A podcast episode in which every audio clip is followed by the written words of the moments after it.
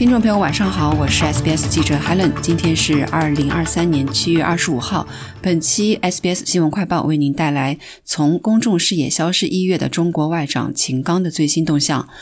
中国当局在周二晚间宣布，中国外交部长秦刚被免职，任命现任中共中央外办主任王毅为外交部长。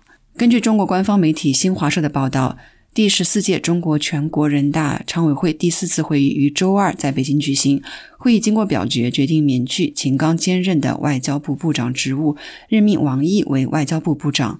但报道并未提及秦刚被免职的原因。这是秦刚从公众视野消失一个月后，官方首次披露有关他的消息。中国当局在周一临时宣布，于次日召开全国人大常委会会议。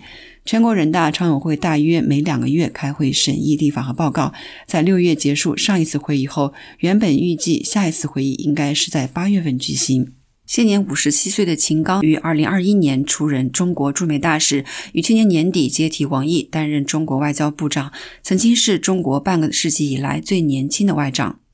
好了，感谢收听本期的 SBS 新闻快报。在任何播客平台搜索 SBS 普通话，点击订阅，开启消息提醒，即可随时了解澳洲国内外新闻及社区信息。